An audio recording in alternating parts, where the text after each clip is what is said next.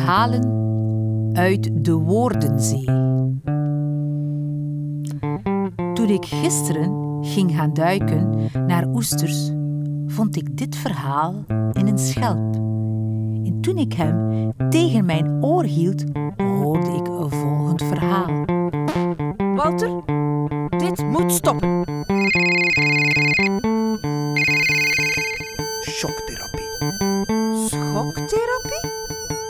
Het stinkt. Het stinkt hier verschrikkelijk.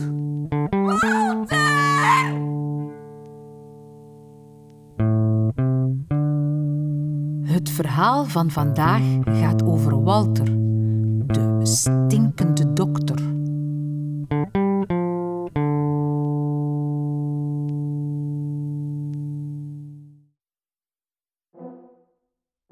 Er was eens een dokter, Walter.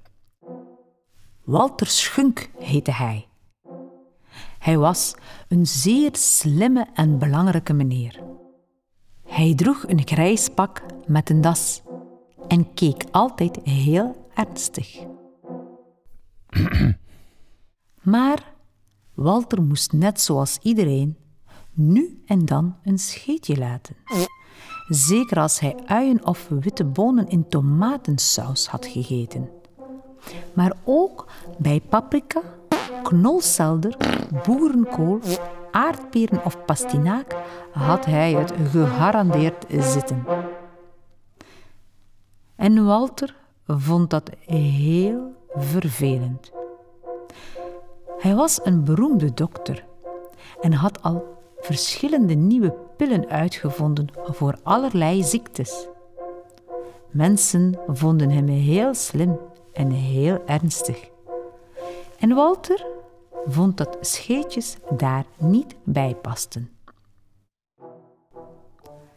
Het ergste was als hij moest spreken voor een hele zaal mensen. Op die momenten had hij er gegarandeerd nog meer last van. Dan stond hij voor een zaal van wel honderd man en voelde hij in zijn buik en darmen alle haspelletjes zich verzamelen. Brobbelend en brubbelend begonnen die belletjes dan aan hun reis naar buiten. Hij vreesde vooral het geluid van die ontsnapping. En soms was hij zo bezig met het rommel in zijn buik dat hij zich versprak, of erger nog, zijn tekst verhad. En als het hem dan toch lukte om stilletjes een scheetje te laten, was hij bang dat alle mensen op de eerste rij het zouden ruiken en zouden zeggen: Ah, zo'n stinkende dokter.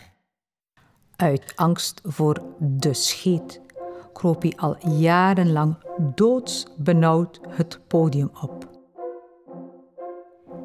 Op een avond liet hij ongewild een knaller van een scheet die de hele zaal horen kon. Nu was de maat vol.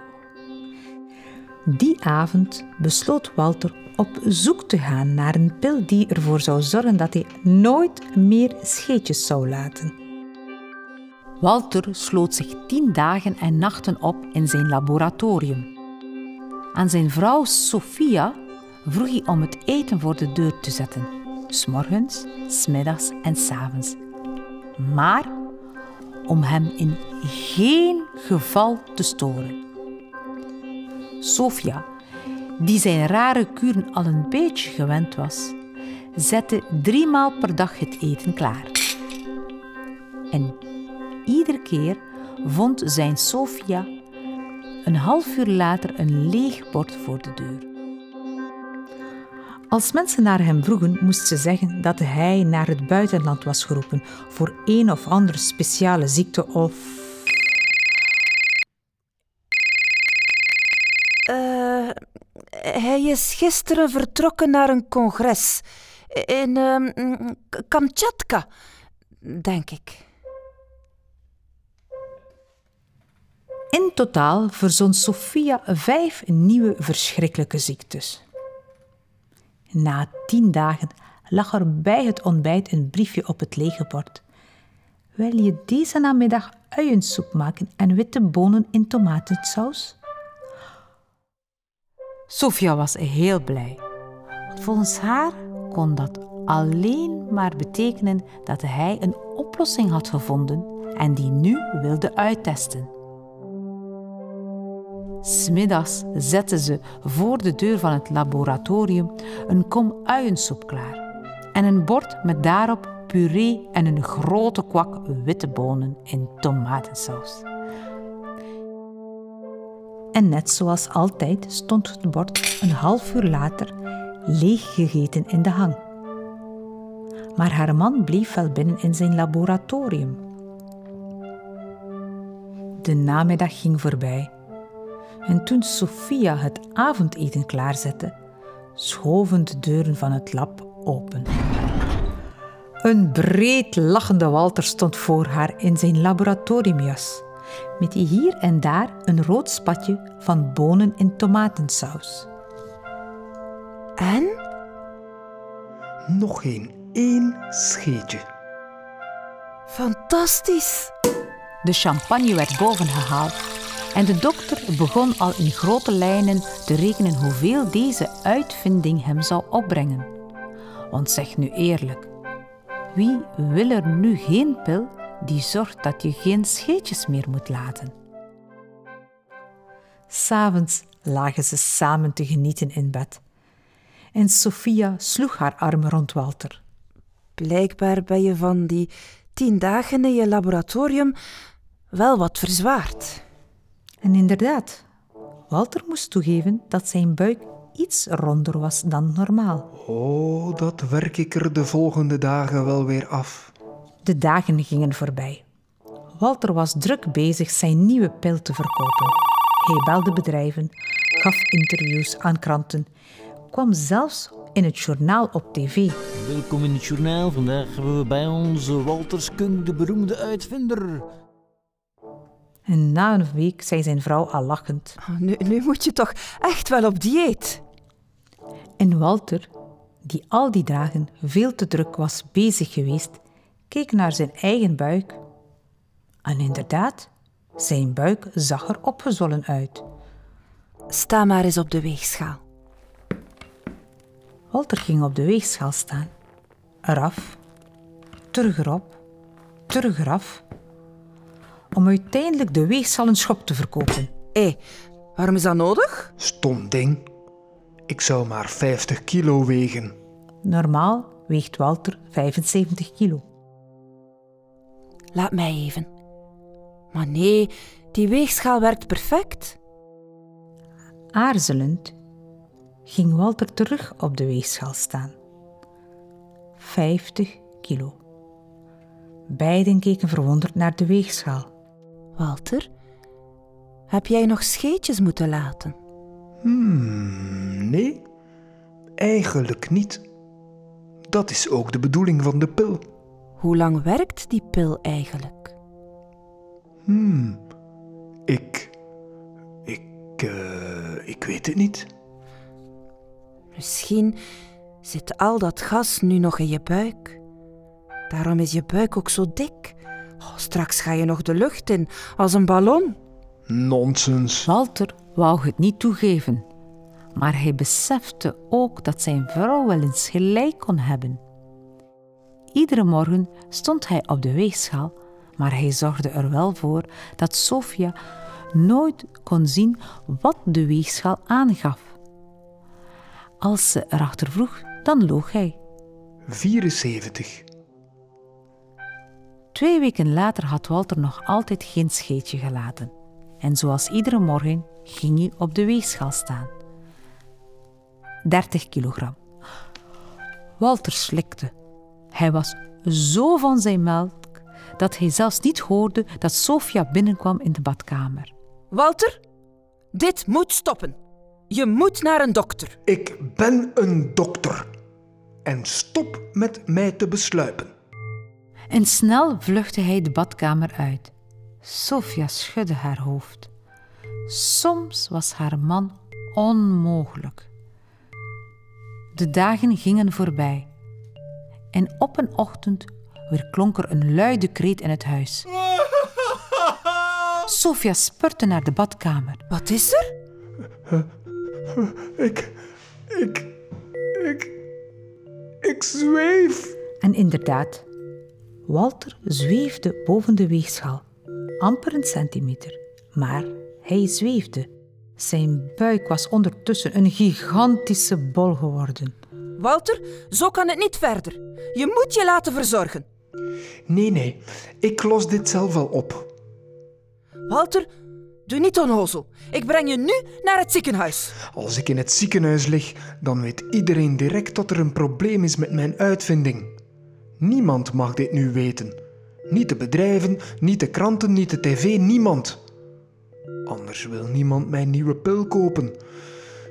Nee, ik vind wel iets. En als een trage stuiterbal verliet Walter de badkamer. Maar de dagen erop werd het erger en erger. Hij begon gewichten rond zijn enkels te binden, omdat die anders gewoon tegen het plafond aanbotste. Sofia werd helemaal tureluurs van het vervelende lawaai dat hij maakte met zijn gewichten. En van alle telefoontjes die zij nu moest beantwoorden van mensen die meer wilden weten over die nieuwe pil en wanneer ze de pil konden bestellen. Want Walter deed niets meer, behalve tobben en mokken in zijn zetel met een frons op zijn gezicht die nog ernstiger was dan anders. Kom aan, Walter. Wees nu eens redelijk. Geef gewoon toe dat, dat er ergens een fout in je pil zit. En probeer met anderen een oplossing te zoeken. Maar Walter dacht dat de mensen hem gingen uitlachen. Dat ze hem niet meer als een slim en belangrijk meneer gingen zien. En uiteindelijk nam Walter een besluit. Sophia, wil je een grote kom uiensoep en een heel grote pot witte bonen in tomatensaus maken?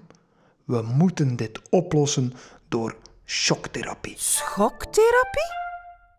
Walter dacht namelijk, als hij plots heel veel uiensoep en witte bonen zou eten, er zoveel gasbelletjes zouden komen in zijn buik, dat, hup, alle scheetjeslucht in één keer zou ontsnappen in één langgerekte scheet. Eenvoudig en geniaal, dacht Walter zelf genoegzaam.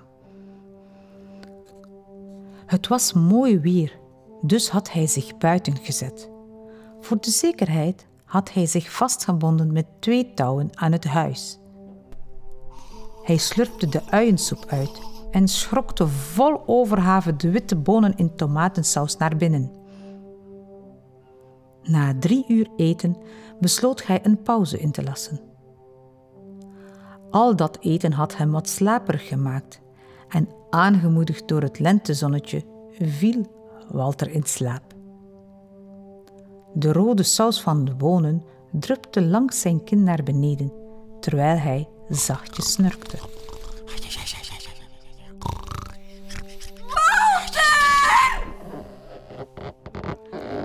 De schreeuw van zijn vrouw Sophia en het onheilspellend gekraakt maakten hem echter wakker. Hij zweefde hoog boven zijn tafel. Het ene koord was blijkbaar geknapt. Hij hing nog met één touw vast aan de muur van zijn huis. Maar ook dat touw kraakte en spokte.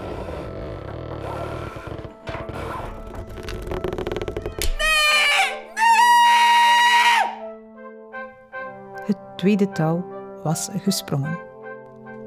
Sophia kon enkel nog nakijken. De wind blies hem verder weg, over hun huis, over de wijk, over de kerktoren. En daar kon Walter zich nog net vastklampen aan de kop van de haan. Met beide handen omklemde hij de bronzen nek van het dier. Vliegensvlug werd de politie, de ambulance, de brandweer en het leger opgeweld. Ze beukten de kerkdeur in en stormden de trappen op. Door het tumult was iedereen uit het dorp naar buiten gekomen. Verbaasd tuurden de mensen naar boven. Aan de torenspits wapperde Walter als een losgelaten ballon. Eindelijk had de brandweer een had in het dak gehakt. Ze probeerden met de ladder tot bij Walter te raken. En plots weer klonk er een stil, piepend geluid. De brandweerman, die net op de ladder was geklommen, werd helemaal bleek. Roger, wat scheelt er? Het stinkt. Het stinkt hier verschrikkelijk. Hij zette zijn hasmasker op voor hij de kerktoren opklom.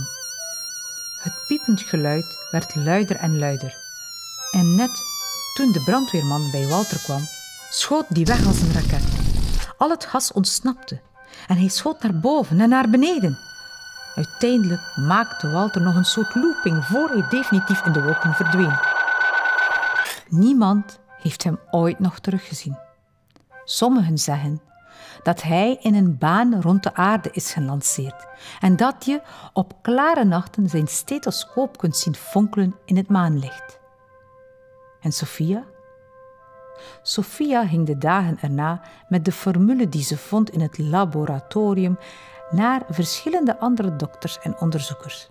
Ze legden het probleem uit en samen zorgden ze ervoor dat de pil net één uur werkte. Lang genoeg om een zaal toe te spreken zonder bang te moeten zijn van scheetjes. Sophia werd stinkend rijk. Dit was het verhaal van Walter, de stinkende dokter.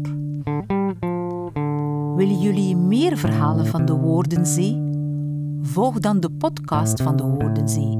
Of ga naar website www.dewoordenzee.be.